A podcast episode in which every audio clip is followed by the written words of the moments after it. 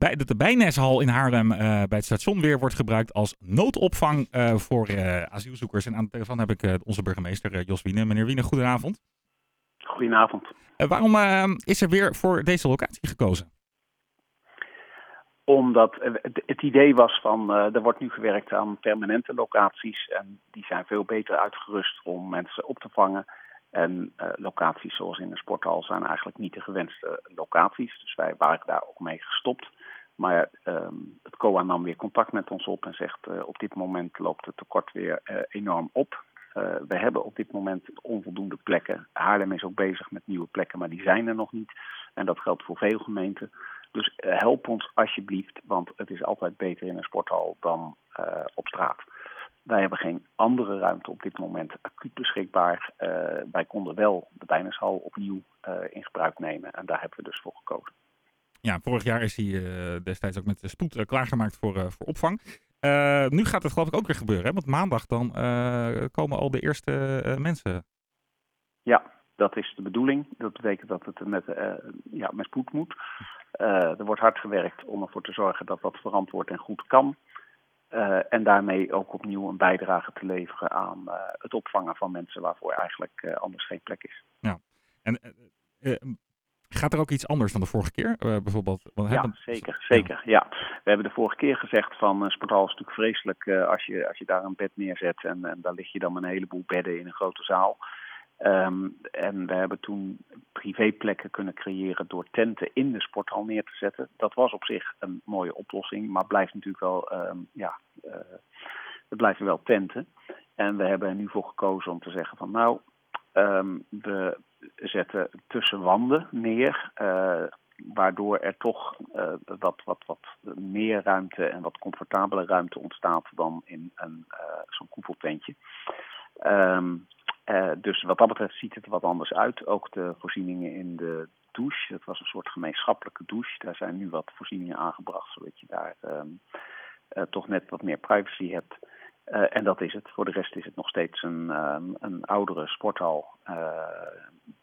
Maar waar we gelukkig met de inzet van, eh, van mensen eh, toch een, eh, redelijke opvang kunnen bieden.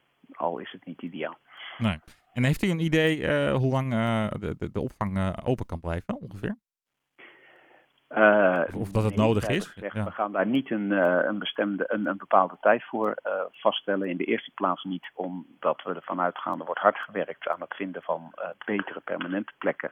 En zodra dat kan, ja, dan kunnen dit soort plekken dus stoppen. Dat is één. Maar we weten niet precies wanneer dat zo is. Dus we zeggen van laten we nou niet nu zeggen van ja, dan stopt het.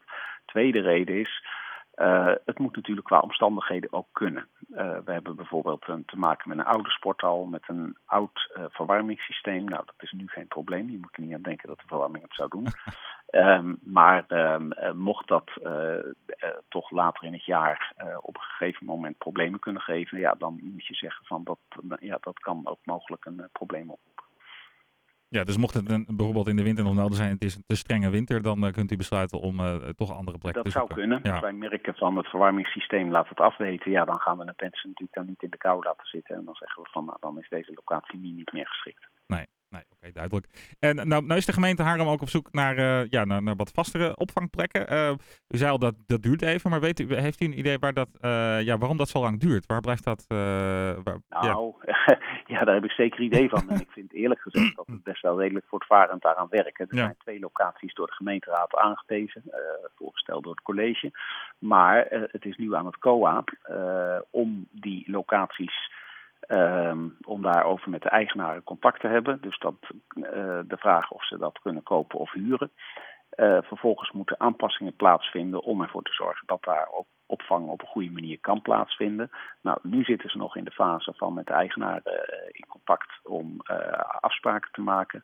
En eh, als dat lukt, dan zal er daarna nog een aantal aanpassingen aangebracht moeten worden. Dus dat gaat zeker nog maanden duren, misschien nog wel langer. Ehm, op dit moment wonen ook andere mensen in de betreffende complexen. In het ene complex zijn dat Oekraïners, in de andere zijn het buitenlandse werknemers en studenten.